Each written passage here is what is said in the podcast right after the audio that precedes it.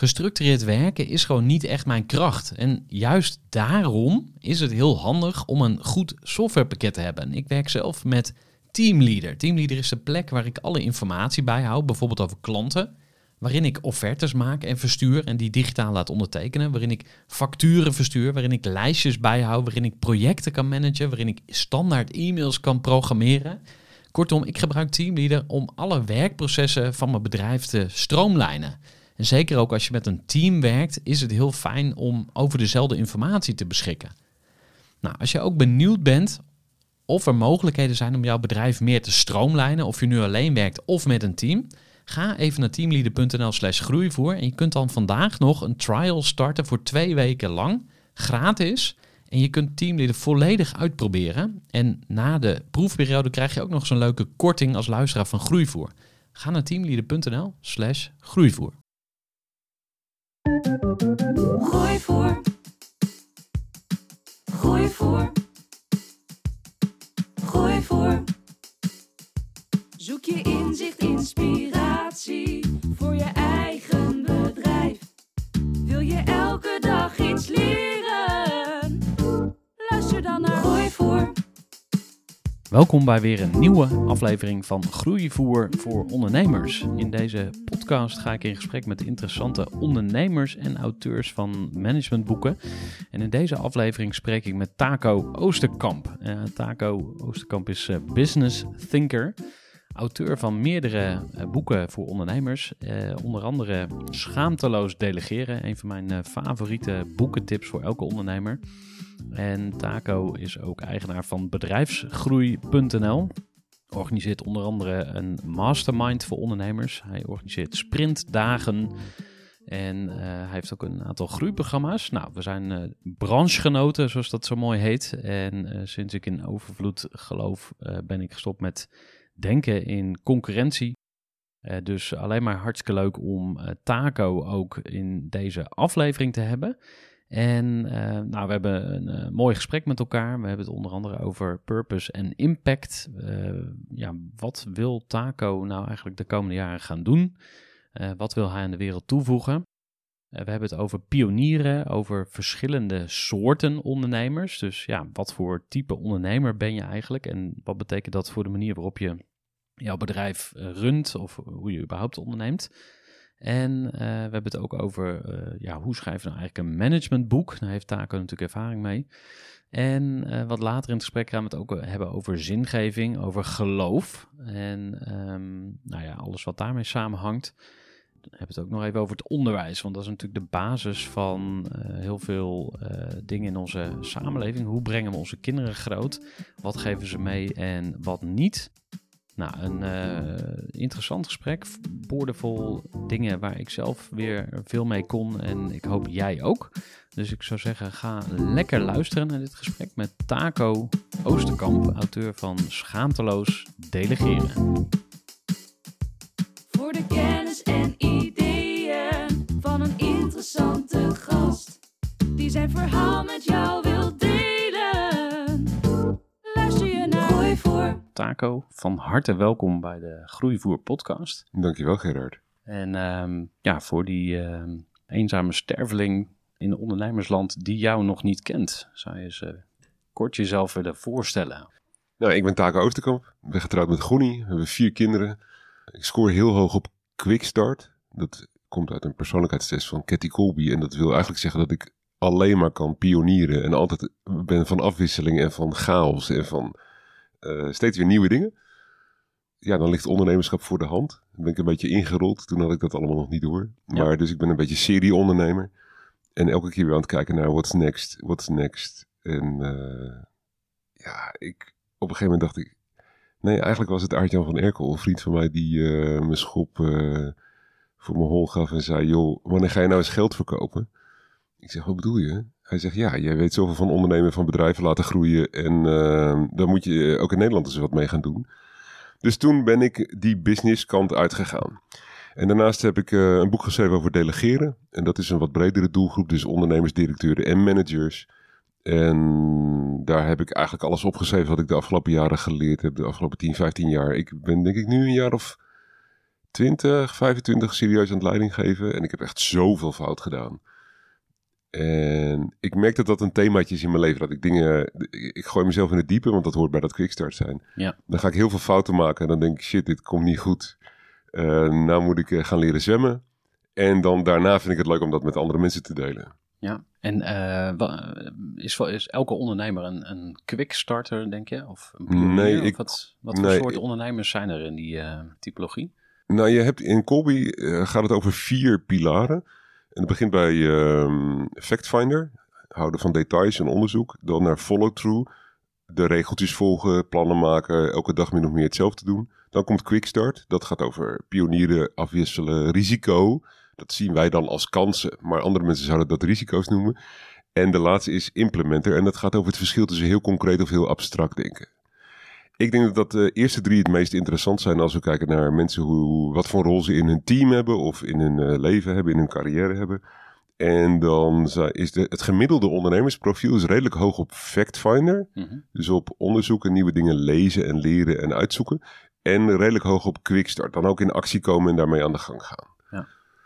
Mijn profiel, ik ben extreem quickstart, is eigenlijk nog meer innovator. Ik ben eigenlijk helemaal geen ondernemer qua Mhm. persoonlijkheidsprofiel. Ik voel Ja. me ook niet echt, weet je wel, dus ik, ik heb ondernemers die bedrijven beginnen en die dan naar eh, miljoenen, tientallen miljoenen, soms honderden miljoenen eh, euro's omzet per jaar groeien. Dat is, niet mij, dat is niet wat ik echt leuk vind om te doen. En is er wel een tijd geweest waarin je daar eh, dat wel in je hoofd had? Dat je dacht van, hey, zo moet het? Of zo, eh, zo zou nou, ik merkte zo dat zou- vooral, ik was een paar jaar geleden bij Richard Branson op Necker Island. Mhm. En een week daar geweest. En ja, dan ga je wat meer bezig met die man. Wat heeft hij nou gedaan? Wat heeft hij geschreven? Wat, wat zijn Mhm. zijn ideeën? En denk, hoe kan het nou zijn dat hij zo'n imperium heeft gebouwd in de loop van zijn leven? En toen dacht ik wel, ja, ik, ik weet voldoende van ondernemen. Ik vind het leuk om erover na te denken. Ik vind het leuk om dingen te optimaliseren. Ik kan goed mensen meenemen. Ik kan mijn verhaal redelijk goed vertellen. Ehm, ik heb meer dan twee hersencellen, eh, vermoed ik. Eh, hoe kan het nou dat hij zo'n mega bedrijf, bedrijf heeft gebouwd en dat ik dan voelde alsof ik in de marge een beetje aan het knoeien ben soms? Hmm. Hangt er natuurlijk vanaf met wie je je vergelijkt. Ja. Dus ja, dat, dat gevoel heb ik soms wel. Ja. En eh, toen dacht je ook van, hey, ik wil ook een imperium. Of ik wil, ik wil dat ook. Of, eh, Nee, het gaat mij om impact. Ja. Ik wil impact hebben. Dus ik wil zoveel mogelijk mensen helpen met de ideeën of de concepten, eh, de, de dieperliggende principes die ik ontdekt heb. Mhm. Die ik vaak natuurlijk weer van andere mensen heb geleerd, laten Ja. we wel wezen. Dus af en toe verzin ik iets zelf, maar meestal combineer ik ideeën van andere mensen Variatie tot iets op, eh, nieuws, zeg ja, maar. ja. Dus het gaat mij niet om het imperium. Ik hoef niet zo nodig leiding te geven aan 100 man of zo. Ik had gisteren een eh, ondernemer die ik aan het coachen ben en die, ik vroeg haar, wat is nou voor jou het ideale bedrijf? Wat zijn dan de criteria? Toen zei ze, nou ja, we zijn nu met z'n tweeën en een paar freelancers, maar ik wil eigenlijk wel door naar een wat groter team. Ik zeg, oké, wat is dan een wat groter team? Hoeveel FTE hebben we het over? Toen zegt ze, ja, ik heb ooit wel eens geroepen dat ik wel 100 man in dienst wil, maar daar begin ik langzamerhand aan te twijfelen. Ik denk eerder aan 20. Ja. Voor mij, ideale eh, bedrijf, geen enkel idee over hoeveel mensen erin zouden moeten werken. Hm. Boeit me totaal niet. Ja, ik denk dat eh, wa- wat mij te binnen schiet is dat eh, als je eh, interviews met ondernemers leest, dan zijn het heel vaak natuurlijk topondernemers eh, die grote bedrijven gebouwd hebben. Ja. Ik heb gesproken met Dirk Roos van Mendix. Ja, heeft zijn bedrijf voor, ehm, wat was het? 428 miljoen verkocht, geloof ik, aan Siemens. Maar echt een gigantisch bedrijf. nou ja, totdat hij dus met Bill Gates gaat koffie drinken. Ja, nee, dat is. Nee, dat maar is ik bedoel, niet ja, om het niet ja, om de ja. denigrerend over te doen, maar er is dus altijd een volgende stap. Dat zeker, ja. Maar het punt is dus, ehm, het voorbeeld is van, eh, je, moet, eh, eh, je bent een grote geslaagde ondernemer als je een groot bedrijf hebt. Ja, Maar jij benadert het dus vanuit, hoe kan ik een bedrijf bouwen wat bij mij past, ja. wat aansluit op wie ik ben en hoe ik mijn leven in wil richten. Ja, ik ben ook in mijn groeimodel begin ik, en ook bij delegeren, trouwens begin ik altijd bij profiel. Ja. Wie ben jij? Ja. En jij hebt een andere persoonlijkheid dan ik. Je bent een uniek mens, dus niemand zoals Gerhard. Ja. Ehm, dus er is ook geen ondernemer zoals Gerhard. Ja. En ik denk als je daar niet begint, dan loop je een heel groot risico om later vast te lopen. Dus dat zie ik bijvoorbeeld bij ondernemers die al 15, 20 jaar een bedrijf hebben en eigenlijk een rol aan het doen zijn die niet bij hun persoonlijkheid past. Hmm. Eh, of bij mensen die directeur worden in een bedrijf wat door de vorige generatie is opgericht. Hmm. Dus een van mijn eh, klanten die werd directeur in een bedrijf wat door een oom van hem werd opgericht. Ja. En ja, die oom heeft gewoon een heel andere persoonlijkheid dan hij. Ja. Dus wij konden hem helpen en moesten hem denk ik ook helpen om die hele directievoering aan te passen aan wie hij is. Ja. Dus ik denk daar begint het eigenlijk altijd. Succes begint altijd bij hoe zit ik in elkaar, hoe ben ik gemaakt, wat, wat, wat past wel bij mij, wat past niet bij mij. Ja. En vervolgens kun je gaan nadenken van wat voor een bedrijf wil ik dan gaan bouwen. Wat, wat hoort daarbij? Waar zie ik kansen in de markt? Wat willen mijn klanten? Waar willen ze voor betalen? Waar kan ik van nature, zeg ik dan, zoveel mogelijk waarde toevoegen? Ja. En voor mij heeft dat heel vaak te maken met kennis delen. Dus ik kan ook, in plaats van dat ik nu met jou lekker zit te ouwe hoeren, kan ik ook eh, op kantoor gaan zitten en de debiteurenadministratie bijwerken. Alleen word ik A, knettergek van. En B ben ik dan minder impact aan het maken. Ja. En dat moet wel gebeuren. Dus ik ben heel blij dat ik in mijn team Andrea heb die dat leuk vindt om te doen. En die, dat is ongelooflijk, maar er zijn mensen die dat leuk vinden om dat Ja. te doen. Ja, heerlijk. Dus die heb ik nodig in mijn team. En dan vullen we elkaar heel mooi aan. Ja. Maar voor mij gaat het... ehm, ja, ik denk mijn drijfveer is impact. Ja. Ja. En ik vind dat ik nog lang niet de impact heb die ik zou willen hebben. Mhm.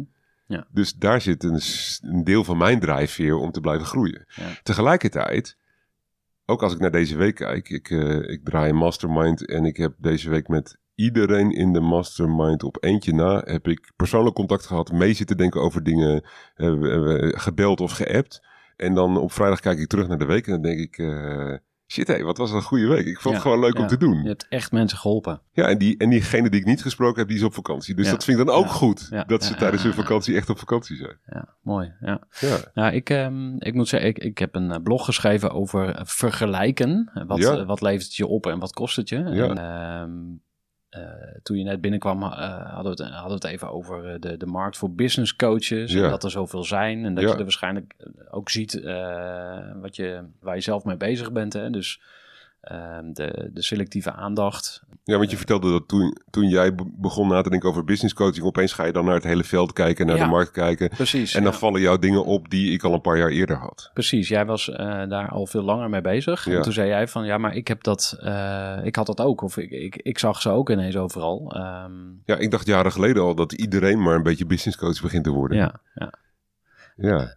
Oké, zouden we dat kunnen valideren? Eh, eh, ja, er is niet een register van business coaches waar je het aantal kan, eh, kan raadplegen, zeg maar. Nou ja, bij mij is het meer, doen? ik ben niet zo'n onderzoeker, hè, want ik, ik score heel laag op FactFinder. Ja. Dus de gemiddelde ondernemer scoort relatief hoog op FactFinder en relatief hoog op Quickstart, maar Ja. ik score heel laag op eh FactFinder. Hm. Dus ik lees heel veel en ik leer heel veel en ik weet nooit de details. Nee. Ehm, maar bij mij waren het indrukken. Dat ik dacht, als ik nou kijk in Nederland, dan waren er opeens door een opleiding. Er was een business coach in Nederland die gaf een opleiding in business coach worden. En er waren een hele hoop ondernemers die dan eh, zeiden: Oké, ik ga business coach worden en ik ga andere ondernemers helpen om door te groeien naar 100.000 euro omzet per jaar. Hm. En die coaches, die hadden in hun eigen bedrijf die 100.000 euro omzet per jaar nooit gehaald. Ja.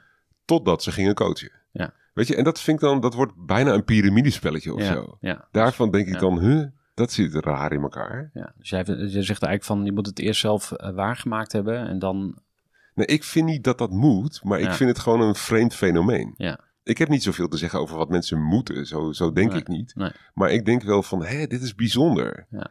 Ik ben wel voor eerlijk zaken doen of zo, Ja, weet je ja, wel. ja. Tegelijkertijd denk ik, ja, als coach ben je zo goed als de resultaten van de klanten die je helpt. En we hadden het net over vergelijken. Dus eigenlijk eh, vergelijk je dan met eh, al die opkomende business coaches die nog, eh, nog een ton aan moeten tikken, zeg maar. Ehm, toen ik erover na ging denken tijdens mijn vakantie, afgelopen januari. Dat mag bij mij niet, hè? wat? Tijdens je vakantie nadenken over je werk. Nou, dat, Ik snap dat jij dat doet, gebeurt, maar, dat eh, gebeurt. ik weet zeker. Eh, toen dacht ik alles, alles met mate. Want ik heb heel vaak gedacht in dualisme. Dus in of-of. Ja. Of eh, vergelijken is goed of slecht. Maar nu denk ik, oké, je vergelijken, dat schudt je wakker. En ah, fuck, ik moet wel scherp blijven om niet ingehaald te worden.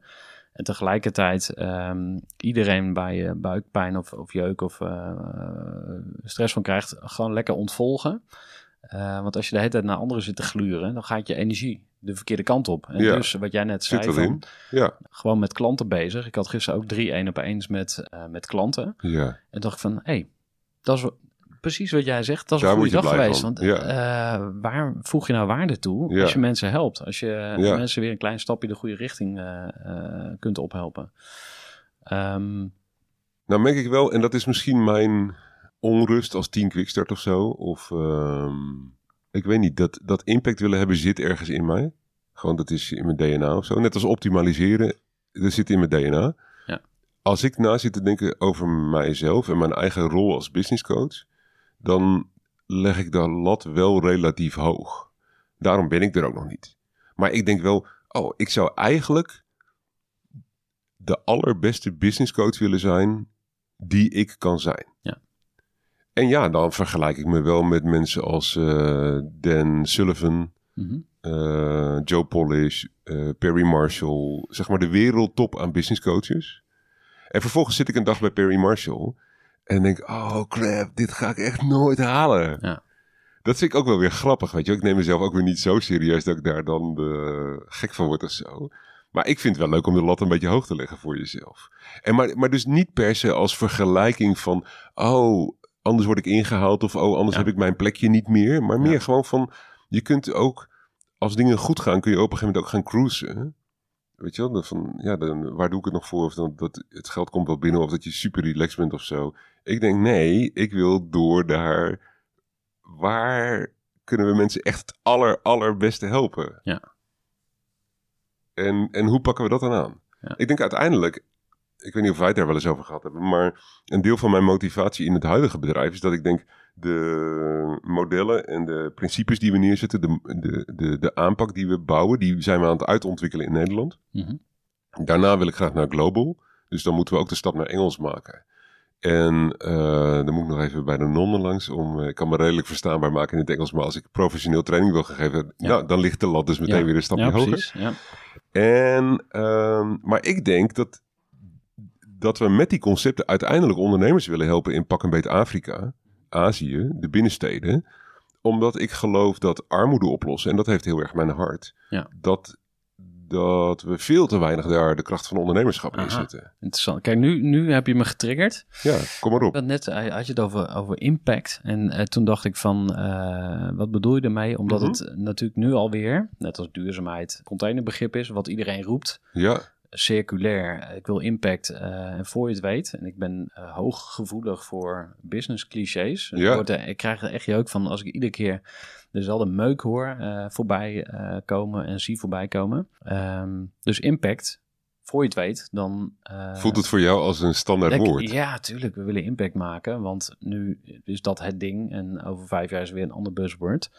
Dus daarom is het fijn om daarop in te zoomen. Van impact maken. Eh, armoede. Hoe, hoe is dat zo gekomen? Hoe Mag ik nog één haakje Ja, openen Ja, ja, t- ja. tussendoor? Dus voor mij impact, of het nou wel of niet een buzzwoord is, ja of nee. Ik merk dit door mijn hele leven heen. In, in, in eigenlijk heel veel dingen die ik gedaan heb. Dus ik zie het echt letterlijk als hoeveel mensen help ik. Ja. En dan, dan kan dat betekenen dat ik op een gegeven moment keuzes maak die niet heel erg voor de hand liggen in standaard business modellen. Omdat ik denk, nee, als ik, als ik dit aanpak, dan verdien ik misschien minder, maar dan help ik meer mensen. Ja. Dus dat voor impact. Het gaat mij echt eh, eh, ik zou het wel meetbaar willen maken. En Ja. daarom zeg ik ook, ik ben daar nog lang niet. En hoe- hoeveel van dat stukje, eh, of van die drijfveer, komt dan van binnen, zeg maar? En eh, wat komt van buiten? Die impact komt van binnen. En dat wil helemaal niet zeggen dat het gezond is. Hè? Want die innerlijke drijfveren Kan hoeven lang niet altijd gezond nee, te zijn. dat kan ook ego zijn. Een stukje ego is goed. Ehm, ik zeg wel eens van ego is als raketvloeistof. Je hebt het nodig om de dampkring te verlaten. Maar als je het opdringt, dan ga je dood. je. Hè? Dus Ja. net als Narcissus die in zijn eigen spiegelbeeld verdronken. Je, je kan eh, er ook kapot aan gaan. Maar eh, impact willen maken... kan ook zijn dat je... Jij vliegt naar Amerika, je gaat naar zo'n mastermind. Je denkt, ja, fuck, ik moet in... een- eh, je wordt helemaal opgejut. Maar als het van binnen komt... misschien bijna een soort roeping of zo. Of dat je denkt Ja. van... Shit, ik heb maar één leven. Wat ga ik ermee doen? Of eh, je krijgt kinderen. Je denkt eens van... Hey, eh, wat, wat is nou echt belangrijk? Of ik probeer eh, weer naar een vraag te komen. Ja, je snijdt in ieder geval een hoop goede dingen aan. Kijk, dus ik denk, jouw, je drijfveren, die kun je het beste zelf onderzoeken. Eventueel met hulp van mensen daarbij. Ja.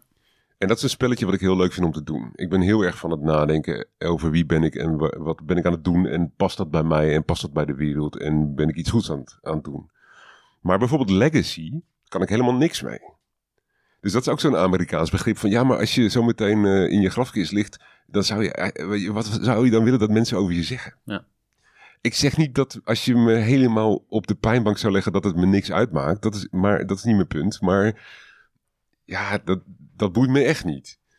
En ik heb denk ik op meerdere plekken en meerdere situaties heb ik eh, mezelf dingen zien doen waarvan ik denk van, oh ja, dus het boeit je gewoon echt niet heel erg wat mensen over je denken. Ik hoef niet zo nodig beroemd te worden. Ik heb een paar collega's die dan vertellen dat ze op Schiphol lopen of ergens in de stad lopen of zo.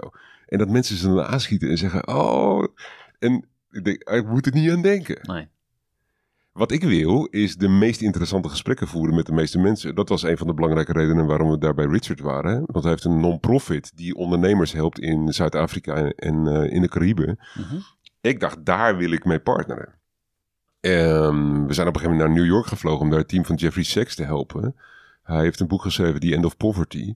En ik dacht, ja, ik wil ergens zoeken waar zit de hefboom, wat kan ik bijdragen? Dus dan gaat Ja. het over waarde toevoegen. Nou, Bill Gates verdient het geld al en die geeft, wat is het, 90, 95 procent of zo van zijn, zijn, zijn rijkdom weg. Warren Buffett heeft diezelfde belofte gedaan, Mark Zuckerberg ook. Ik ben niet zo iemand. Ik, eh, geld verdienen om armoede op te lossen is niet mijn roeping. Maar wat dan wel? Dus toen zijn we op zoek gegaan naar hoe kunnen we zijn team veel effectiever maken. Hm. En dan vervolgens merk ik dat ze heel enthousiast zijn over wat we doen.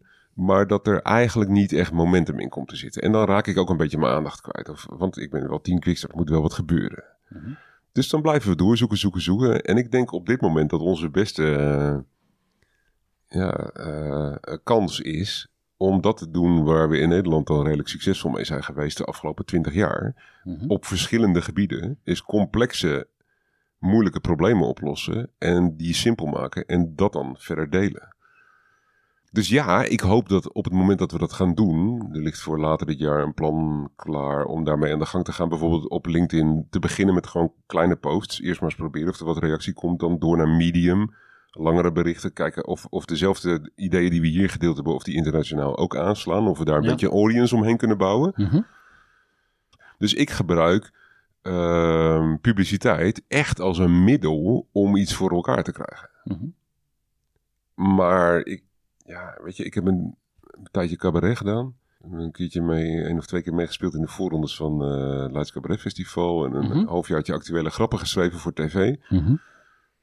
Die, die soort van diepe, diepe urgentie om op een podium te staan.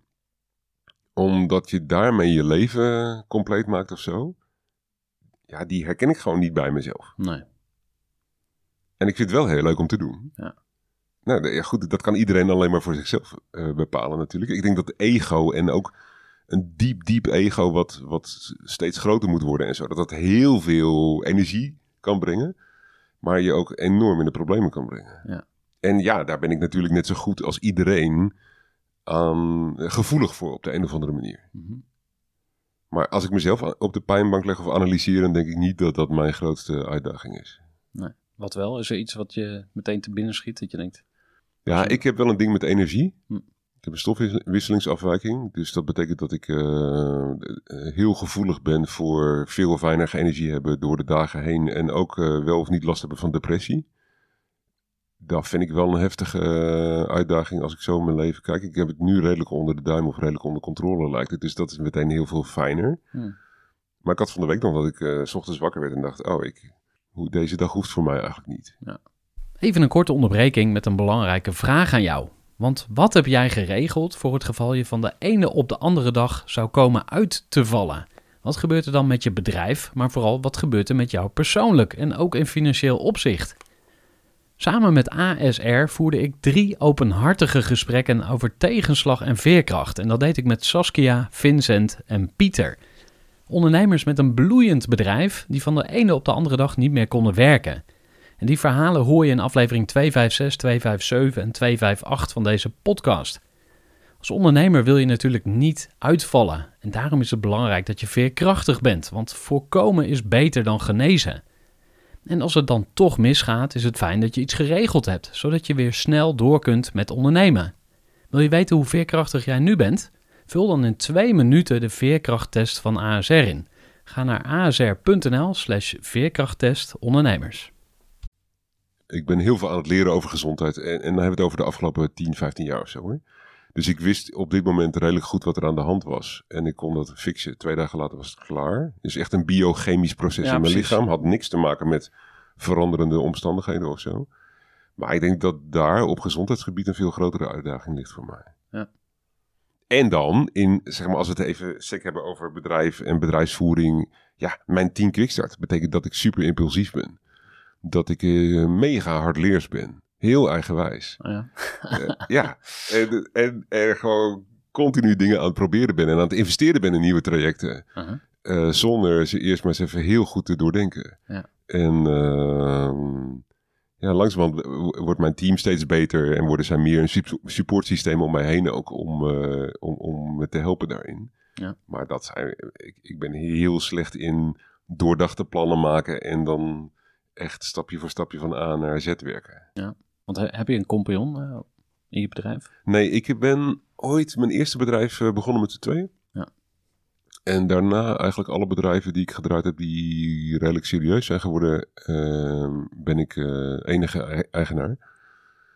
En dat past wel aardig bij mijn manier van werken. Het geeft me heel veel vrijheid. Geeft me heel weinig verantwoordelijkheid naar een businesspartner. Mhm. Ehm, ik ben niet alleen team quickstart, ik ben ook redelijk dominant. Ehm, niet per se dominerend, ik ben geen control freak. Maar ik vind het wel lekker om gewoon eh, mijn eigen gang te kunnen gaan. Ja. En ja, tegelijkertijd heb ik dus geleerd dat ik heel veel moet delegeren. En ook heel erg los kan laten. Eh, waardoor dat haalbaar is. En heb je dan ook echt vrede gesloten met wie je bent? Dat zijn mijn woorden. Er zit natuurlijk ook weer een persoonlijk verhaal achter, zoals bij elke interviewer. eh, Ja, dit, dit no- nodigt wel uit om wat tegenvragen te gaan stellen, Gerard. Maar Ja, ja, ik kan hem eh, kort toelichten. Ehm, ik herken me eh, in zekere zin een aantal van jouw karaktereigenschappen. hè. Ik Ja. ben ook echt de typische pionier, eh, start-up entrepreneur. Heel Ja. goed om kortstondig ergens heel veel energie in te steken. ja, Heel goed in, in creatie, dus gewoon van niets iets maken. ja, En daarna wordt het allemaal eh, moeilijker en ingewikkelder. En Ja. ehm, wat dat betreft is het een wonder dat ik eh 8,5 jaar eh, aan één bedrijf gebouwd heb. ja, Dan ging ik in 2016 naar eh, jouw seminar. En daar heb ik eigenlijk beslu- besluit genomen van... oké, ik ga eruit stappen. Want ik ben niet Ja. iemand die 8,5 jaar in een bedrijf werkt. ja, Maar ik heb daar mezelf eigenlijk eh, best wel lang tegen verzet. Tegen wie ik eigenlijk ben als ondernemer. Oh, ja. Want ik dacht van, hey shit, ik, eh, dit is niet goed. Een eh, goede ondernemer die, eh, die kan niet alleen beginnen, maar ook afmaken. En ehm, daar ben ik weer mee gestopt. Want op een gegeven moment moet je gewoon zeggen van... yo, this is me. ja, Dit is waar ik het mee moet doen. ja, Misschien ben ik niet- gewoon niet geschikt om samen te werken met mensen. Of kan ik niet Ja. met een compagnon door één deur. Of wat het ook is. Je zult moeten werken met wie je bent. Wie je bent. Dus, ja, nee, maar eh, dat denk ik echt. Dat is een ja. mega uitgangspunt in mijn werk bij delegeren en bij groei en bij alles wat ik doe. Ja. Dus of ik, me daar, of ik daar vrede mee heb, ja, dat wel. Ik wil niet zeggen dat ik vrede heb met alles wat ik doe of met alle, alles hoe ik leef. Ehm, maar ik herken wel, de, ja, ik ben een team quickstart en ik ben hoogdominant. En daar kan ik ben, ik ben drie follow-through. Dus dingen volgens plan doen en, en, en stapje voor stapje afmaken, dat moet ik echt niet willen. En hoe meer ik dus zie dat er heel verschillende mensen op de wereld zijn, hoe makkelijker het wordt om daarmee te leven. Omdat ik denk, oké, dan heb ik dus mijn eigen plekje. En moet ik mensen om me heen verzamelen op de een of andere manier, Ja. die de rest eh, doen en opvullen en uitwerken. Ehm, maar ik vond dat niet makkelijk. Heeft me wel heel veel tijd gekost om daar überhaupt achter te komen. Ik vind het dus echt, ik kan heel boos zijn over het onderwijs. Gewoon als je mij echt boos wil maken of, eh, of ja, misschien ook wel echt boos, weet ik niet. Maar in ieder geval, dat, daar kunnen we wel een rant in gaan of zo. En ik weet niet of we Ja. dat moeten doen, maar ik heb de ervaring dat in mijn eigen schoolperiode dat ik nooit, maar dan ook echt nooit niks, niente, nada geholpen ben om uit te zoeken wie ik ben. Ja. En ik zie dat eerlijk gezegd bij mijn kinderen precies hetzelfde. Hm. En mijn jongste wordt eh, deze week 20. Dus misschien dat het nu ondertussen wel weer beter is. Maar ik zie het niet echt. Maar ik vind dat echt raar. Dus ik ben een schoolsysteem ingeduwd. Wat erop gericht is dat je sequentieel leert. We beginnen bij A en dan werken we zo door naar Z. Zo leer ik helemaal niet. Ja. Waar je nauwelijks geholpen wordt om, om de relevantie te zien, de zingeving te zien. Ik ben, Ja. ga heel erg op zingeving. Ja. Eh, was echt een drama. En dat ik terugkijk en dat ik denk, ik heb 24 jaar school genoten. Ja. Net zo'n beetje als je bij de tandarts kunt in de stoel kunt Ja, liggen. ja. Als er een gaatje geboord wordt. Dat, dat soort genieten. Ja. En denk, wa- waarom? Ik. Maar nog steeds kom ik dingen tegen dat ik denk, waarom heb ik dat niet 30 jaar geleden geleerd? Ja.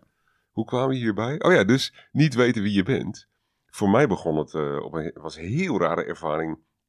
Ik, ik was bij een retraite en eh, eh, die mensen die die retraite organiseerden, die hadden een eh, stel kennissen, vrienden van hen uit Engeland uitgenodigd. Dus eh, die was van maandag tot en met vrijdag of zo. Op woensdagochtend, wij waren koffie aan het drinken als retraitegangers. En er kwam opeens, kwamen daar 10, 15 Engelsen binnenlopen. En die gingen naar een ander zaaltje om daar koffie te drinken. Dat is een beetje vreemd. Maar die hoorden er dus wel bij. En die hoorden er wel bij, want Ja. die kwamen speciaal voor onze retraite. Maar die gingen niet met ons koffie drinken. Dat was een beetje raar. Dus ehm, wij waren klaar met koffie drinken en ze zetten ons, eh, deelden ons in in groepjes. En we gingen allemaal in groepjes eh, ons verspreiden. En bij elk groepje van ons als retraitegangers kwamen één of twee mensen uit Engeland zitten. En die zeiden, weet je wat we gaan doen? Geen idee. We gaan eh, een beetje tijd nemen eh, om te kijken of God iets wil zeggen voor jou. En we geven jullie allemaal een beurt. En dan vertellen we je dat. En we nemen dat op op een cassettebandje, want zo lang geleden was dat. 2000 of zo. En dus een cassettebandje, record. En zij tijd nemen om stil te zijn. Kijken of ze eh, iets van God hoorden. En dat deelden ze met ons. En voor mij was dat echt flabbergasting. Echt mega eye-opener. En een van de dingen die tegen mij gezegd werd... eh, En dat is het leuke als dat in een groep gebeurt. Dan kun je een beetje vergelijken van wat wordt er... Weet je wel, is dit een soort standaard verhaaltje wat aan iedereen verteld wordt? Maar dit werd tegen mij gezegd. ehm, you're a pioneer. You never let the grass grow under your feet. Dus you're always on the move.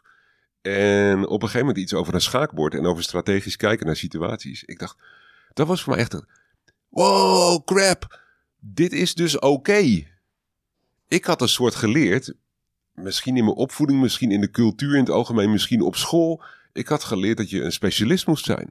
Dat je, weet je wat, dat, dat je vanaf bijna de eerste eh, klas in de, de lagere school, dat je weet van, oh, ik wil het conservatorium gaan doen. Ik zet alles op alles, want ik wil altviolist worden of zo. Of ik wil wetenschapper worden in een bepaald vakgebied. Ja, Dat had ja. ik helemaal niet. Ja. Ik was altijd duizend dingen tegelijk aan het doen. En pas op dat moment, en dat is dus, nou, dat is dan nu twintig jaar geleden. Dus zeg maar eh, de helft van mijn leven of zo.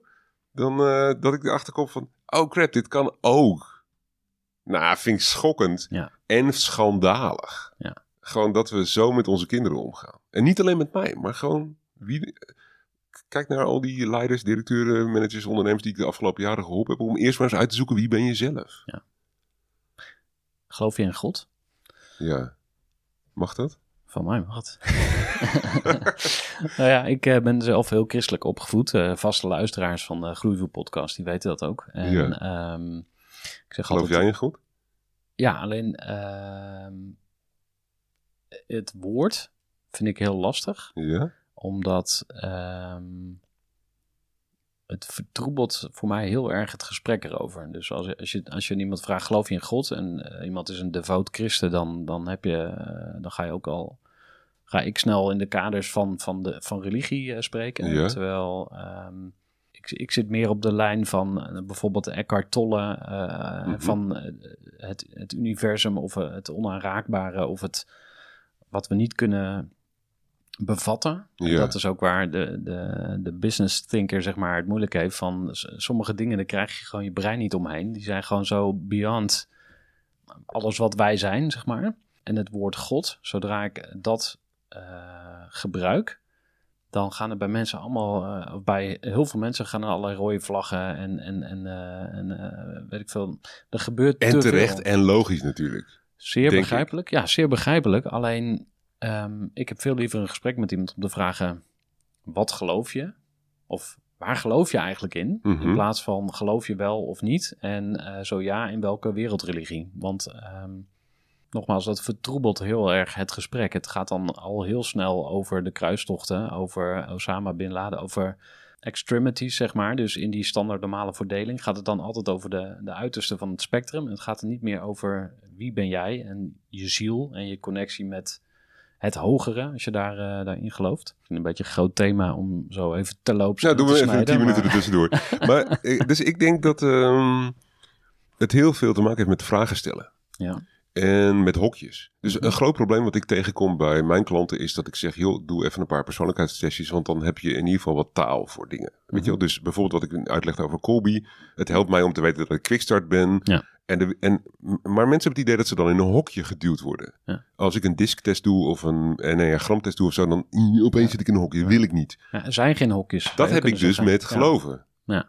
Dat ik denk, zodra je in Nederland zegt dat je in God gelooft, Ja. dan komt er een enorme bult met eh, ideeën en templates en hokjes en eh, oordelen. Ja. Ehm, waarvan ik denk, ja, zullen we er misschien gewoon een gesprek over hebben? Ja. Eerst eens kijken Ja. of dat dan Ja. wel zo reëel is, ja of nee. Ja, nou, da- daar kunnen we elkaar dus de hand schudden. Dus eh Ja. het is misschien eh, leuk om eh, ehm, misschien een andere keer uit te diepen. Maar Ja, waar, waarom het Leuk. wel voor mij eh, relevant is, eh, ik koppel het ook aan eh, drijfveer, zeg maar. Ja. Dus waartoe zijn wij hier op aarde en Ja. wat wil je betekenen? En het stukje wie ben je, wat heb je in huis? En ehm, je hebt natuurlijk in de Bijbel staat een heel verhaal over de, de talenten. Hè, van de drie mannen die, die kregen dan talenten van de meester. En eentje die begroef ze in de akker. Eentje die, die verspeelde het of zo. En de derde die ging daarmee echt handel drijven. Nou, ik zal niet de hele gelijkenis hier eh, eh, vertellen. Zo goed ken ik hem ook niet. Maar het woekeren met je talenten. Dus je God-given talent zou je kunnen zeggen. En of je het nou God noemt of het universum. Maar jij bent op een gegeven moment ontstaan. En ehm, je hebt eh, allerlei talenten meegekregen. Hoe ga je die zo goed mogelijk gebruiken? En dan ook de connectie naar waar we het eerder over hadden, armoede. Want Ja. daar, daar wil ik ook nog even op inzoomen. Van, ehm, eh, ja, het is leuk om een, eh, om een bedrijf neer te zetten met passief inkomen, zodat je, eh, je je rekeningen kan betalen. Het is mooi om een prestatie te leveren, om iets neer te zetten. Ik heb het nu over mezelf. Ehm, en dan? Ja. Menga Mesido, een van mijn coaches, die vroeg me van de week... joh, dat ding over armoede, Taco, daar moeten we toch nog eens een keertje verder induiken. Waar, en precies die vraag van waar komt die drijfveer vandaan? Ze zegt Ja. dat heeft iets te maken met een trauma in je leven... of iets van een zoektocht of een ding wat met jezelf te maken heeft. Nou, dat schrijfwerk wat zij mij opgedragen heeft om te doen... dus eigenlijk het denkwerk wat ze me heeft opgedragen, heb ik nog niet gedaan. Dus ik, weet, ik kan daar geen antwoord op geven. Ik weet het gewoon nog niet. Ik denk dat ze een punt heeft. Het lijkt me in ieder geval de moeite waard om verder te onderzoeken. Want, zegt zij, op het moment dat je weet waar die drijfveer gekoppeld is aan iets wat over jou gaat, dan eh, wordt het veel krachtiger. En kun je er veel beter in sturen. Mhm. Nou, dat, ik, eh, ze is niet voor niets mijn coach. Ik, ga, ik neem dat aan van haar. Dus ik, ik wil dat onderzoek nog verder voeren, zeg maar. Maar ik denk veel makkelijker als ik praat. Ja. Dus misschien moet ik daar niet eens alleen over schrijven, maar nog eens een keer iemand vragen van, joh, wil je me even helemaal uithoren hierover? Ehm, maar ik denk, en daarom is denk ik dat profiel, profile, zoals wij het noemen, van wie ben jij, dat dat zo wezenlijk is in alles wat wij doen. Omdat ik inderdaad denk dat dat heel veel zegt over eh, wat je zou kunnen doen met je, met je leven. Ja. Dus mijn profile zegt heel veel over mijn leiderschapsstijl. Mijn profile zegt heel veel over wat ik wil eh, doen in mijn bedrijven. Wat voor een type bedrijf ik dan wel of niet zou willen bouwen. Wat voor klanten ik het beste kan helpen, ja of nee. En waar ik van nature de meeste waarde toevoeg. Ja. Nou, zoals ik kijk naar geloven, denk ik dat. Ik ga toch even het woord God gebruiken. Oh, eh, eh, dan, dan moeten we dat later nog maar verder invullen. Hoe, hoe, hoe ik daarnaar kijk, zeg maar. Ja. Maar ik denk dat er een groot verschil is tussen of je gelooft in een, dat God een persoon is. of dat het universum een kracht is. En ik denk dat heel veel van de dingen zoals ik ze ervaar in mijn geloof. dat die er toch op wijzen dat God een persoon is. of een persoonlijkheid heeft. En dat het. Een van de voorbeelden die ik wel eens gebruik is. ehm, waar, waar gaan de meeste liedjes over? Zoals je naar Radio 3 luistert, of zelfs in de jazz of in wat dan ook. eh, in de opera. Het is bijna allemaal liefde. Mhm. Ja. Dus dat gaat over relatie. Mhm. En op het moment dat jij je vingers in het stopcontact steekt, dan heb je ook contact met een energie. eh, 230 volt, eh, 50 hertz. Ehm, dat is echt van een andere orde dan liefde of relaties. En ik denk liefde en relaties zijn zo wezenlijk in ons leventje hier op, op die kleine aardbol die we hebben. Ik denk dat dat iets zegt over hoe dat ontstaan is. Nou, daar kunnen we eindeloos over doorpraten. Dat, Ja. vind ik fascinerende gesprekken. Juist Ja. als we het hebben over de inhoud.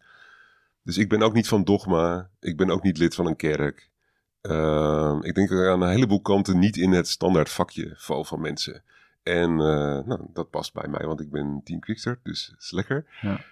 Ehm, maar zo ervaar ik het wel. Ik denk wel, ja, als ik ontstaan ben en als ik in contact kan zijn met een persoonlijkheid die groter is dan mijn leven. En eh, een relatie kan hebben met een persoonlijkheid die groter is dan mijn leven. Dan hoef ik het ook niet allemaal alleen te doen. Dan kunnen we het ook samen over hebben. Als de intelligentie van die persoonlijkheid van God veel groter is dan die van mij. Ja, dan is het toch. Hoe cool is het dan om te kijken: kan ik zijn stem verstaan? Kan ik haar stem verstaan? Ehm, kan ik af en toe iets aan ideeën of aan inspiratie of aan richting of aan wijsheid oppikken? Ja. Ik vind dat het leven veel interessanter van wordt. D- Ik moet denken aan eh, spiritualiteit, hè? want dat is natuurlijk eh, ook dan weer een, een, een eh, vraag van wat versta je daar dan onder Ja. containerbegrip enzovoort. Maar ehm, als je het over God hebt, dan in mijn beleving is het niet cool. Of zelfs een beetje eng, van oh, de, gaat hij me bekeren of niet? Of Ja. weet je wel, dus eh, ik probeer bewust altijd eh, erop te letten dat ik in de podcast niet de hele tijd eh, daarover heb. Maar Ja. het is onvermijdelijk, omdat het voor mij gaat over zingeving, over waartoe zijn we hier op aarde en wat, wat, wat staat mij te doen, zeg maar. Ehm, dus aan de ene kant zijn mensen, is er een groep mensen die jeuk krijgt van het woord God. Behalve de mensen die er echt in geloven, die vinden het dan misschien wel weer kicken. Ehm, en tegelijkertijd zijn heel veel mensen bezig met spiritualiteit, ook in business. Ja, Hè, dus ehm, een gesprek gehad met eh, Erik Verhagen bijvoorbeeld. Hè, die eh coacht ook spirituele ondernemers. ja, Dus ik heb het gevoel dat er ook wel weer een soort, nou, ik wil niet zeggen terugkeer, maar een golfbeweging is eh, waarin spiritualiteit weer meer normaal is. Maar voor, voor mijn gevoel heb je het heel erg over de samenleving, over de cultuur, Ja. Over de media, Mhm. over de ideeën, de vooroordelen, de aannames Mhm. die er zijn, die in het algemeen heersen. Ja. En dat is nou eenmaal een cultuur. Ja. Toch? Een soort spraak, spraakverwarring zou je kunnen zeggen. Ja, maar ik vind het gewoon niet zo interessant. Nee. Als, ehm, pff, weet ik veel, 99% van Nederland denkt dat de scholen in Nederland fantastico zijn. Dan kan ik nog steeds vinden dat het stom is dat je op Mhm. school niet leert wie jij bent. Ja. Hoe cares wat de rest van de wereld erover denkt? Ja.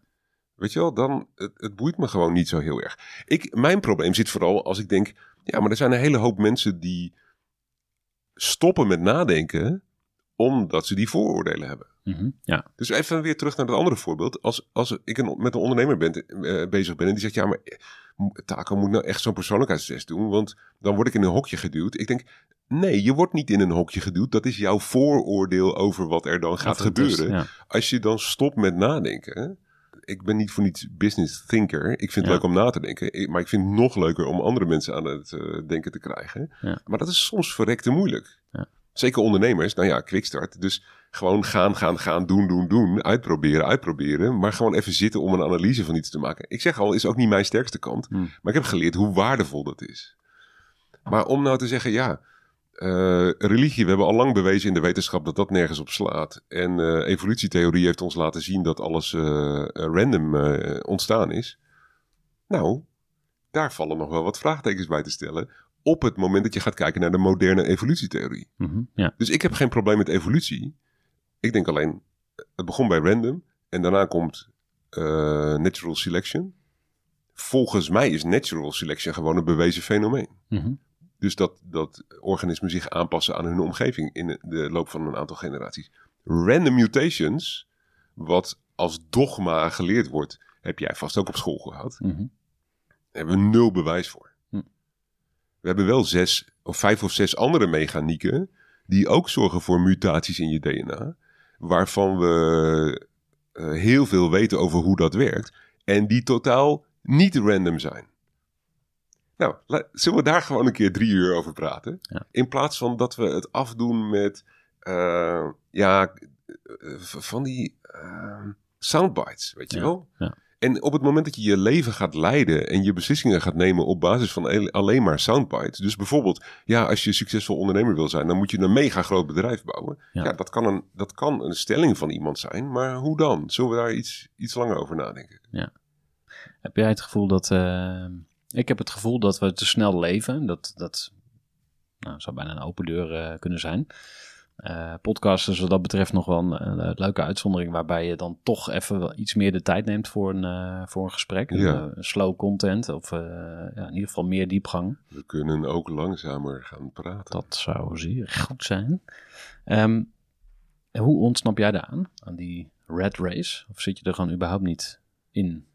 Ja, weet je, ik volg niet wat de rest van, de, van mijn collega's in Nederland aan het doen is. Hm. Ja, tuurlijk, ik zie af en toe wel eens wat. En ik, en ik praat met ze en ik hoor dingen, maar ik ben niet frantically aan het zoeken van wat is eh, Nederland aan het doen of zo. Nee. Ehm, ik merk dat ik ook wel een tijd heel selectief ben geweest met nieuws lezen. Je kunt je brein helemaal bombarderen met alle input. Laten we dan weer naar armoede kijken. Er is wereldwijd zo verschrikkelijk veel ellende. hè? Op het moment dat je daar ook maar iets van een deuk in een pakje boter wil slaan, of een heel klein deukje in, in dat enorme pak boter wil slaan, ja, dan zul je dus zo effectief mogelijk moeten opereren, denk ik. Ja. En jezelf gek en cynisch maken met een miljoen impulsen per dag over allemaal ellende. Nou, als er iets helder is, volgens mij, is dat de evolutie ons geen brein heeft gegeven wat, wat, wat daarmee kan kopen. Ja. Dus als je kijkt naar stress op de Serengeti of stress anno 2020 in de westerse wereld, dat is een heel ander verhaal. Ja. Dus ik ben juist al jaren bezig om te kijken van hoe kan ik veel meer in de rust komen. Eh, Alex Pang heeft een prachtig boek eh, Rest geschreven. eh, waarin die aantoont, ook in allerlei onderzoeken, bij wetenschappers kun je dat leuk meten, hoe productief ze zijn. Op basis van publicaties en doorbraken en zo. Maar dat je met vier uur werk per dag, denkwerk per dag, dan ben je er wel zo'n beetje. Ja. En je hebt die vakanties nodig. En je hebt die vrije dagen nodig.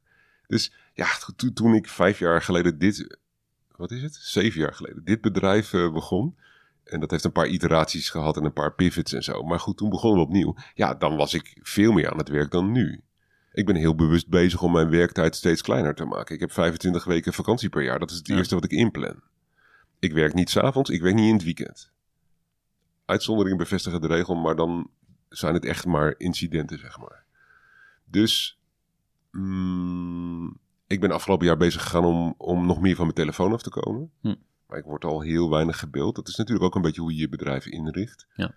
Maar ik heb, een, eh, ik heb drie telefoons nu. Drie mobiele telefoons.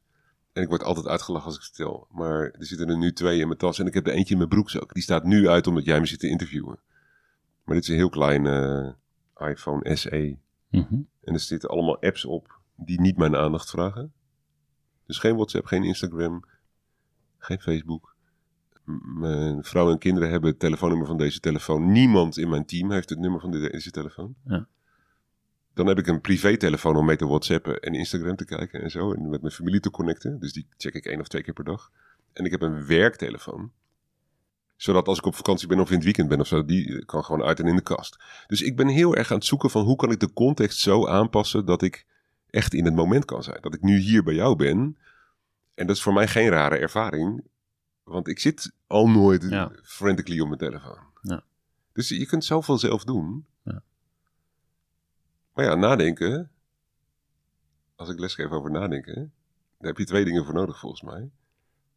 Je hebt meer dingen voor nodig. Maar je hebt in ieder geval twee dingen voor nodig. Je hebt tijd nodig en je hebt energie nodig. Ja. En, en dus als je jezelf gek loopt te maken, dan kom je daar nooit meer aan toe. Ja. En de beste manier om in dat hamsterwiel door te blijven rennen, is door niet na te denken over hoe krijg ik mezelf uit dit hamsterwiel. Perfect bruggetje naar eh, het thema delegeren. Kijk, Om toch maar even weer helemaal aan de Ja. andere kant eh, op te Leuk. sturen. Ehm, je zei al van ja, ik ben daar natuurlijk ook al heel lang mee bezig. Ehm, wat heel mooi is, want je hebt eh, expert status op het gebied van eh, delegeren. Jouw boek staat hier ook, Schaamteloos Delegeren. yes. Ehm, grappig, want dit boek, dit is een van de weinige managementboeken die ik meerdere keren bestel eh, op bol.com en dan weer weggeef en dan weer bestel en weer weggeef. Dus Wat leuk om te Ehm, horen, man. Ja, nee, maar en dat- dankjewel. Ja, nee, maar dat is Ja. tof, hè? Kijk, en eh, grappig is dat ik zit natuurlijk ook in, in, in de business coaching en de bedrijven helpen groeien. Ehm, delegeren is gewoon zo'n essentieel thema voor ondernemers. Terwijl het is heel praktisch, het is niet spiritueel, het is niet diepgaand. Maar het is gewoon iets wat je kan doen, wat je kan regelen. En wat er vervolgens voor zorgt dat jij echt met je God-given talent, of waar je talent dan eh, ook vandaan komt volgens jou, eh, aan de slag kan. Ja. Waarom is delegeren voor jou zo belangrijk? Of hoe is het ooit op jouw pad gekomen? Ik vind het altijd leuk om dingen interactief te maken. Weet je, om het over live of concrete situaties Ja, te hebben. ja. Dus ik, ik ga zeker je vraag beantwoorden. Maar dus ik zei van tevoren, wat mij betreft moeten we niet een uur taak al gedelegeerd tips geven of zo. Nee. Weet je wel, want dat, dat, ja, dat is dan voor mij net, eh, ja, tien quickstart hè. Ja, precies. Yeah, nee, ik. Ja, ja. Ehm, daarom vind ik live coaching ook zo leuk, want het zijn dus continu nieuwe situaties. Ja. Maar anyways, ehm, ik begon, ah, wanneer was dat? 96, 97, 1997 of zo begon ik een eerste bedrijf wat echt een beetje succesvol werd. En op een gegeven moment was het zo druk daar. Ik trainde computerprogrammeurs. Ehm superleuk om te doen trouwens. En software bouwen blijft nog steeds eh, een, echt een apart, eh, ergens een hartje in mijn hart hebben of zo. Ehm, maar toen op een gegeven moment dacht ik, het is zo druk. Ik moet toch maar kijken of ik iemand erbij kan krijgen. Dat voelde als een enorme ehm, luxe. Echt, echt overdreven luxe. Dat ik op zoek ging naar een secretaresse. Echt, ik weet niet, nu weet ik niet wat me bezielt, maar dat voelde toen echt Voelde je daar... Ja, bijna schuldig over of ja zo. precies. Ja, Ja, echt. Maar de vrouw van mijn boekhouder destijds, eh, die eh, wilde wel freelance voor mij eh, gewoon een paar uur in de week komen helpen. En supermens. Er is een hele leuke samenwerking. We hebben echt heel toffe momenten meegemaakt. Samen in de auto naar België en dan naar, naar een of andere beurs waar we dan een stand hadden en ik een lezing gaf en dan de weg niet kunnen vinden. En Zo, gewoon, was dus, zij was helemaal geweldig als mijn eerste medewerker, zeg maar. Mhm. Maar eh, toen een tijdje later, toen eh, eh, nou, dat bedrijf bleef groeien, toen kreeg ik medewerkers in vaste dienst. En ik merkte gewoon dat het niet goed werkte. Ik had toch het idee dat zij de kantjes ervan afliepen, dat ze hun verantwoordelijkheid niet goed namen, dat ik zelf alles nog in de gaten moest houden, dat ik dan dingen toch maar weer zelf ging doen. Of het is, zo'n cliché voor mij ondertussen, maar je denkt, ja, dan gaat het sneller, dan weet ik tenminste zeker dat het goed gaat en zo. Het was echt een puinzootje. En eh, op een gegeven moment heb ik dat bedrijf verkocht. En toen zat ik er later op terug te kijken. Ik dacht, ja, het is gewoon mijn eigen stomme schuld. Want als ik de leider ben en mijn team functioneert niet zoals ik het wil, dan is dat mijn verantwoordelijkheid. Ik wil niet zeggen dat zij alles perfect deden, maar het is mijn taak om te zorgen dat het team goed draait. Ja. Dus toen ben ik er veel beter op gaan letten en, en ben ik in het bedrijf daarna, dat was meer effect en daar gaven we trainingen in Getting Things Done, super systeem, moet iedereen doen. Eh, time en stress management. En eh, toen dacht ik, ja, dit moet echt anders. Dus toen ben ik het gaan leren. En ik ben gewoon wereldwijd gaan kijken naar de beste ideeën, de beste tips, de beste trucs. Heel veel gaan uitproberen, heel veel gaan doen. En ik merkte daar, door een heel simpel voorbeeld als ja en nee mailtjes. Eh, nee, het begon met de wachten oplijst. Dat kwam natuurlijk uit Getting Things Done. Dat op het moment dat ik iets delegeer en ik schrijf het dan meteen op, al is het in twee, drie steekwoorden. eh, Eva komt met begroting. Weet ik veel. En dan op vrijdag loop je die hele lijst door, streep je Mhm. alles af wat er gebeurd is. En alles wat nog niet gedaan is, besluit je, ga ik dat volgende week, eh, stel ik dat uit tot volgende week of moet ik er nu achteraan? Ja. Eh, briljante tip, David Allen, Mhm. Getting Things Done. Nog maar steeds, opeens, heeft dus- mijn, ja. opeens heeft mijn team door, Mhm. shit hé, er valt niks meer van tafel. We kunnen het niet onder het kleed schuiven. Ik, ik, ik, ik eh, verwijt hen geen misbruik of zo, weet je wel. Maar op het moment dat, ze, dat mensen doorkrijgen van... Ah, alles wat gedelegeerd wordt, wordt ook bijgehouden. Ja. Al is het maar met twee steekwoorden. Aha. Ja, dan ligt de lat opeens een heel stuk hoger qua betrouwbaarheid. Dan wordt het een meer waterdicht systeem. Of, eh, Ja. En een minder cynisch systeem. Want het Mhm. cynische systeem is van... Oh ja, als het echt belangrijk is, dan zal hij het nog wel een keer noemen. Ik kom er nu niet aan toe. Hm, ja. Ik heb veel liever dat iemand op woensdag zegt... Joh, Taco, ik zou dit eh, vrijdag klaar hebben, maar het gaat me niet lukken. Wil je even nadenken, helpen nadenken over de prioriteiten? Ja. En, en daarmee werd dus iedereen veel betrouwbaarder. Ja. Nou, idem dito met ja, nee mailtjes en met maandagochtend spreekuur overleg... en met gewoon zoveel dingen uitgeprobeerd in dat delegeren. Daardoor werd mijn team happier. Mijn klanten werden beter geholpen. Eh, ik werd veel blijer. En ik maakte dus heel veel tijd vrij die ik dan in andere dingen kon steken die volgens mij meer waarde toevoegen. En eh, hoe heb je de stap gemaakt naar het boek? Zeg maar? Dus eh, wanneer dacht je van, ah, ik heb nu zoveel uitgeprobeerd. ehm, Ik was. eh, op een gegeven moment zat ik erover na te denken om meer effect te gaan verkopen als bedrijf. Ehm, maar tegelijkertijd liep er een soort idee van: shit, ik kan dit bedrijf in twee uur per week draaien. Dus Eh, gewoon lekker. was de tijd van de 4-hour workweek. Ik dacht, nou, ik ja. twee uur sneller dan Tim Tim. maar ik hoorde later dat Tim het ook in twee uur per week deed. Maar dat het dat dat, niet geloofwaardig klonk. Dus dat ze de boektitel Oh, naar? 4-hour Oké, hebben gemaakt. Ja. dat was te grappig. Ik heb heel veel geleerd van Tim in die tijd. Ehm, maar ik dacht, ja, hoe cool is het als ik hier allemaal andere ondernemers en leiders mee kan helpen? Toch, we hadden heel veel mensen in de meereffect training. eh, heel veel mensen die leiding geven, heel veel mensen die geen leiding geven. Ik dacht, we kunnen voor die leiders onder hen, kunnen we natuurlijk ook iets gaan verzinnen om hen te helpen om al die trucs toe te passen die bij mij zo goed werken. Ja. En dat hebben we toen extreem productief genoemd. Mhm. En dat werd een jaarprogramma. En dat liep het eerste jaar als een dolle. En het tweede jaar opeens kwam de klad erin. Ik denk dat we gewoon uit die hele database met lezers die we hadden opgebouwd. eh, dat, dat we in de- het eerste jaar dat we gewoon al het laaghangende fruit hadden geplukt. Iedereen die zat te wachten op wat nieuws, die had zich aangemeld. En het jaar daarna. Waren dat gewoon minder mensen? Ja. En toen hebben we over nagedacht, wat gaan we doen, wat gaan we doen? Toen had ik meer effect ondertussen verkocht, dus we moesten echt wat nieuws doen. Want ik had geen cashflow meer uit het lopende bedrijf. En eh, toen dacht ik, nou laten we het onderwerp delegeren, uit extreem productief halen. En dat verder als een apart thema ook eh, in de markt zetten. Ja. En toen heb ik dus met Boom, de uitgever, een eh, afspraak gemaakt om er een boek over te schrijven. Hebben we een masterclass gebouwd. En eh, heel veel mensen blij mee gemaakt. Wel, ik, heb, ik heb hier een ander boek liggen van eh, Rick Pastoor, Grip. Hij Ja. heeft Getting Things Done ehm, gepakt. En hij zegt eigenlijk van het missende stukje is nog dat je wat je wil doen ook echt in je agenda zet. Ja, Ehm, en dat vond ik ook wel mooi. Ik heb hem hier ook op de podcast gehad. Ehm, Ik moet heel eerlijk zeggen, Ja. ik heb een aantal heel goede verhalen gehoord over dat boek en ik heb het niet Ja. gelezen. Ook omdat het niet helemaal meer mijn thema is, zeg maar. Ik ben andere boeken aan het lezen. ja, Eh, bij wat je nu zegt, nadat ik zeven jaar GTD-training heb gegeven ooit in een toch langzamerhand alweer ver geleden, eh, verleden, denk ik, ja, als ik in mijn agenda alles ga zetten wat ik wil doen, dan wordt het een beetje wi- wishful thinking agenda. Ja. En op het moment dat het dan niet lukt, dus ik had bijvoorbeeld vanochtend nog twee e-mails willen schrijven, Ehm, maar is niet gelukt. Dus dan moet ik, op het moment dat het niet lukt, moet ik een soort administratie gaan doen in mijn agenda. En moet ik dat weer doorschuiven naar een ander moment. Daar staat waarschijnlijk al iets anders. Dat moet ik dan weer door gaan schuiven naar volgende week. Dus voor mij werkt een wat meer open planning, werkt denk ik over het algemeen beter. Ja, ja. Maar goed, ik heb ook nog updates op GTD waarvan ik denk van het kan nog net beter. En Ja. iedereen moet dat hebben. Dat is het leuke aan dat systeem. Het is zo lekker eh, principieel Mhm. dat je kunt er gewoon allemaal je eigen invulling aan geven. Wij hebben mensen bij grote, eh, zeg maar bij grote eh, multinational hebben we de hele raad of de halve raad van bestuur, dus allemaal C-level, mhm. inclusief de CEO. Die deden 6 miljard omzet per jaar. Die hebben we geholpen om GTD te doen met een schriftje. Ja. Gewoon pen op papier. Dat kan ja, gewoon. ja, Dat vind ik zo, ja. zo freaking knap. Als je een systeem kunt bouwen wat zo algemeen toepasbaar is, dat de implementatie eigenlijk niet eens zoveel uitmaakt. Is dan David Allen zo'n genie?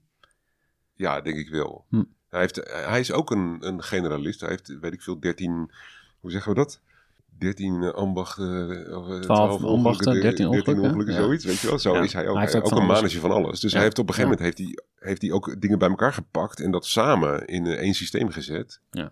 Ik vind dat, dat systeem vind ik genius. Ja. Ja. Ik ben nog wel even benieuwd, wat wordt jouw next leap dan? Want je zei net van, ik, ehm, ik lees nu andere soort boeken. En ehm, ben je dan, denk je wel eens na over, ik wil eigenlijk nog wel een boek schrijven? Ik weet het niet helemaal. Ik heb het idee dat, dat er een nieuw seizoen aan zit te komen. Als we Ja. het over vage abstracte woorden hebben. Ja. Ehm, ik ben dus vanaf 2020 of zo ben ik gefascineerd door dat hele concept van luisteren naar Gods stem. En ik ben dat niet andere mensen aan het opleggen of zo. Maar ik ben daar voor mezelf gefascineerd eh, over. 2020, zei je? Ach, eh, 2000, dus 20 jaar geleden. Oké, Dat ja. was die retraite Ja. waar ik het over had. Ja. Eh, dus de laatste twintig jaar ben ik daar echt wel mee bezig. Op allerlei manieren. Soms wat intensiever, soms wat minder. Ik heb nu het idee, de laatste jaren, dat God zegt: er komt een heel nieuw seizoen aan. En ik ga je lekker nog niet vertellen wat het precies gaat worden. Dat, dat lekker, dat heb ik erbij verzonnen. Ja. Maar zo van, wacht maar op mij Komt. en er komt iets nieuws aan. Hm. We gaan heel toffe dingen doen. Hm. Welke kant zou het volgens mij uit moeten gaan? Ik zou nog meer willen reizen. Hm. Ik zou nog meer high-level, super interessante eh, gesprekken willen hebben over het oplossen van hele ingewikkelde problemen. Dus die lezing die ik bij Richard Branson op Necker gaf, die ging daarover hoe kun je nou mega complexe problemen analyseren en kijken of je daar goede oplossingen voor kunt verzinnen. Wat mij betreft zou dat moeten gaan over het oplossen van armoede, of in ieder geval die kant uit. Want daar ligt iets van een drijfveer, ook al heb ik nog niet ontdekt waar die nou precies vandaan komt. Ja. Eh, Is, is misschien ook helemaal niet relevant, want dan gaat alle energie daar weer naartoe. nou, ik geloof wel wat Megan zegt, van, zodra je weet van, oh daar zit de, de klik met mijn eigen levensverhaal, Ja. dan heb je de rode draad helder. Ja. En dat gaat je meer helderheid geven. Dat, ja, ik, dat pak ik wel. Dus, dus dat zou ik leuk vinden. Ik, Mhm, ik denk dat het wel met leiderschap te maken gaat hebben. mhm. Ehm, maar heel eerlijk gezegd, als ik kijk naar de thema's van de afgelopen jaren, dan ging het dus over delegeren. Maar net zo goed in extreem productief hadden we het over missie, visie en eh, problemen analyseren, oplossen, strategieën bouwen, scenario's maken. Ik heb net in november met Marleen, mijn collega, samen een ehm, seminar gegeven. Dat noemden we glashelder. Dat gaat Mhm. over wat is nou het fundament van je leven tot en met wat ga je morgen doen. Dus die hele piramide van Covey en David Allen en zo. Ehm, stop met zelfsabotage hebben we gebouwd de afgelopen jaren. Dan ging het over. eh, dus in, in het hele groeiverhaal hebben we het over van wie ben jij via ideeën en businessmodel naar eh, traffic en conversie tot en met klantenservice. Al die onderwerpen vind ik interessant. Ik vind allemaal superleuk. Eh ik vind het juist heel leuk dat ik heel die verschillende gesprekken door de week heen heb. eh, heen heb.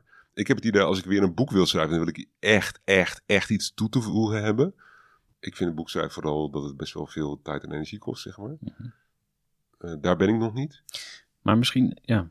Dus vertel, ja nee, help ik- mij. je, hebt, help me je, hebt, nadenken. je hebt het antwoord nog niet, maar ik, ik zou veel meer die spirituele kant op gaan. Ja, Ehm, een van de boektitels die op mijn lijstje stond, en die ehm, eh, is Goddelijk Ondernemen. ja. Heb, ik- heb ik in gedachten, zeg maar, van hoe kan je een bedrijf... Oh, dat heb jij in gedachten om zelf te schrijven? Klopt, Oh, ja. dat, want de titel klinkt meteen heel Ja, goed. ja. Dat, dacht- dat vond ik dus ook. Ja. Ehm, en de gedachtegang daarachter is, eh, hoe, hoe kan je goddelijk ondernemen? En die kan je dus heel aards en eh, ehm, eh, eh, ja, plat, zo je wil, uitleggen van hoe kan je een bedrijf bouwen wat goddelijk is. Want, eh, zodat jij als een god in Frankrijk eh, kan leven. Hè? Dus je hebt je, je bedrijf gewoon eh, super chill ingericht. Geld komt gewoon binnen omdat Ja. je businessmodel klopt. Je zit bij de juiste klanten. Alles resoneert. Het, het klopt gewoon. Ja, En aan de andere kant, ehm, hoe kan je jouw divine spirit of eh, je God-given talent of eh, jouw genialiteit of hoe je het ook wil noemen, precies, hoe Ja. kan je die in je bedrijf stoppen? Dus hoe zorg je ervoor dat jouw persoonlijke missie, wie jij bent en waar, waartoe je op aard bent als het ware, eh 100% of in ieder geval 85% kan alignen met je bedrijf. Ja, Dus super.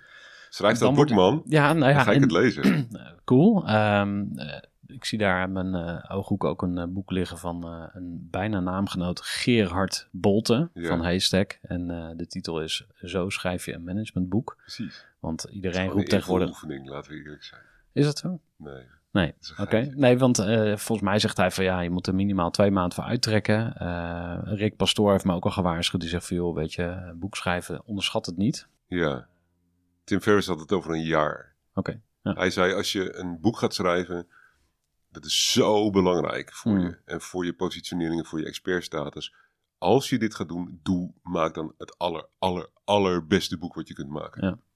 Ik had dat advies nog niet gehoord voordat ik schaamteloos delegeren schreef. Ja. Kijk, ik begin met, met lesgeven. Of ik zit in dit geval over na te denken om workshops over te gaan doen. En dan op een gegeven moment dan heb ik het zo vaak over lessen gegeven en zo. Dan heb ik de kennis wel, die zit wel in mijn hoofd. En dan dicteer ik het boek in een week. Ja. Ik heb letterlijk bijgehouden voor schaamteloos delegeren. Ik, ik dicteer met Dragon Naturally Speaking. Ja. 38 uur zitten dicteren. En daarna komt het redigeren. En dat is Ja. echt een eh, drama. Maar ja, ik ben team quickstart, dus daar heb ik geen zin in. Ja. Maar ik, ik heb de indruk dat we misschien wel workshops gaan doen. Over die connectie van wat is nou geloven. Maar dan heb ik het niet over de standaard traditionele, de meer religieuze aanpak of zo. Niet over de regeltjes en de wetten en de normen. Ik zeg niet dat die super onbelangrijk zijn, maar ik zit niet helemaal in dat kader. Maar, maar hoe, zou je de, hoe zou ondernemen veranderen op het moment dat je denkt van... hé, hey, er is een God, een persoon Mhm. die mij gewild heeft en bedacht heeft... en die van me houdt en die door mij heen andere mensen wil helpen. En dat, dat zou ik interessant vinden. Ja. En als je dan over de Bijbel hebt, dan denk ik, nou, ik vind dat nog wel heel interessant. Als je kijkt naar het Oude Testament en het Nieuwe Testament, lijkt opeens een complete, op een andere manier naar geld gekeken te worden. Hoe zit dat dan? Ja. Daar heb ik nog wel een paar vragen over die ik liever eerst zou uitzoeken voordat ik er een boek over zou gaan schrijven. Ja. Er zijn in Nederland 3 miljoen mensen die een boek willen schrijven, toch? Ja, die precies. En allemaal begonnen hoeveel- zijn aan een roman en... eh, Maar ik vind het een goede waar, of, nou, waars, ik neem het op als een goede waarschuwing van eh, onderschat het niet. Wat jij net zei eigenlijk van hè, Tim ja, wat Tim zei, dus pak er een jaar voor. Precies, ga ervan uit dat dit je... eh, En zijn punt is, dat boek blijft altijd aan jou hangen. Die blog of die column in een krant of in een, in een tijdschrift of in weet ik veel wat, dat verdwijnt op een gegeven moment. Maar het boek wat jij geschreven hebt, Dat dat blijft altijd het boek wat jij geschreven hebt. Ik ben heel benieuwd eh, wat je volgende boek wordt. We eh, gaan nu inderdaad eh, een mooie eind eraan breien. We gaan ook een mooie weggevenactie doen voor Ja, het boek. En ehm, ja, wie weet komt er nog eens een vervolg. Het lijkt me leuk. Ehm, we gaan elkaar sowieso nog zien. Dat ik. lijkt me een heel goed idee. Ja, dat is goed. Ik, we hebben op delegeren.nl slash groeivoer hebben we een opname neergezet van mijn eh, online training over delegeren. Die geef ik vaak dus als webinar en dan is het eh, woensdagochtend. Maar jouw luisteraars die kunnen naar delegeren.nl slash groeivoer en dan eh, Mhm. kunnen ze hem gewoon als opname bekijken. 20 tips om beter en slimmer en handiger te delegeren. En aan het eind daarvan krijg je natuurlijk een aanbod voor de masterclass Mhm. in delegeren. En eh, Goddelijk delegeren. ja, dat wordt jouw boek dus. Nee. Ik, ben, ik ben echt zo benieuwd. Je kunt er een hele serie van maken. Ja. ja goddelijk afwassen. Ja, ja je kan... eh, Waarom niet? ja, alles kan. Leuk man. Ja. Hey, bedankt voor je tijd. Yes, jij ook.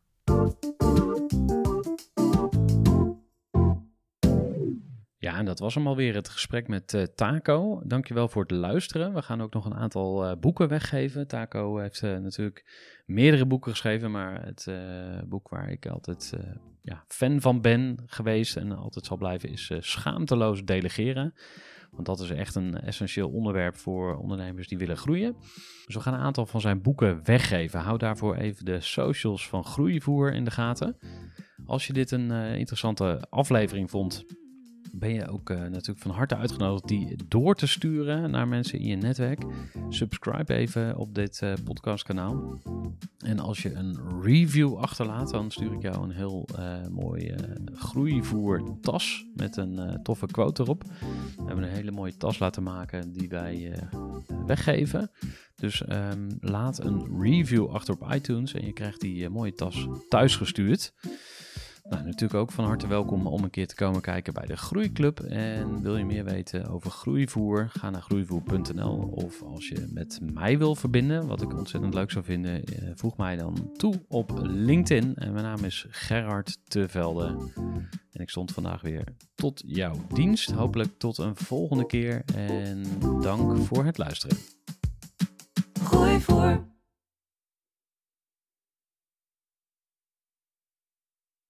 Gestructureerd werken is gewoon niet echt mijn kracht. En juist daarom is het heel handig om een goed softwarepakket te hebben. Ik werk zelf met Teamleader. Teamleader is de plek waar ik alle informatie bijhoud, bijvoorbeeld over klanten. Waarin ik offertes maak en verstuur en die digitaal laat ondertekenen. Waarin ik facturen verstuur, waarin ik lijstjes bijhoud, waarin ik projecten kan managen, waarin ik standaard e-mails kan programmeren. Kortom, ik gebruik Teamleader om alle werkprocessen van mijn bedrijf te stroomlijnen. En zeker ook als je met een team werkt, is het heel fijn om over dezelfde informatie te beschikken. Nou, als je ook benieuwd bent of er mogelijkheden zijn om jouw bedrijf meer te stroomlijnen, of je nu alleen werkt of met een team, ga even naar teamleader.nl slash groeivoer en je kunt dan vandaag nog een trial starten voor twee weken lang, gratis. En je kunt Teamleader volledig uitproberen. En na de proefperiode krijg je ook nog een leuke korting als luisteraar van Groeivoer. Ga naar teamleader.nl slash groeivoer.